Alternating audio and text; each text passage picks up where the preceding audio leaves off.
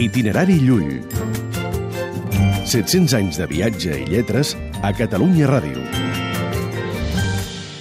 Les miniatures de Llull.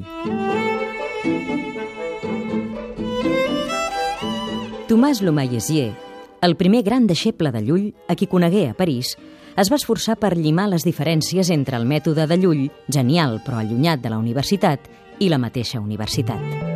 Amb aquest objectiu, va compondre diverses antologies de textos lulians. Se'n conserva la més extensa, l'Electorium Magnum, i la més breu, el Breviculum. Aquesta darrera, que va presentar a la reina de França, conté 12 magnífiques miniatures sobre la vida de Llull, que han estat qualificades de primer còmic de la història. Itinerari Llull.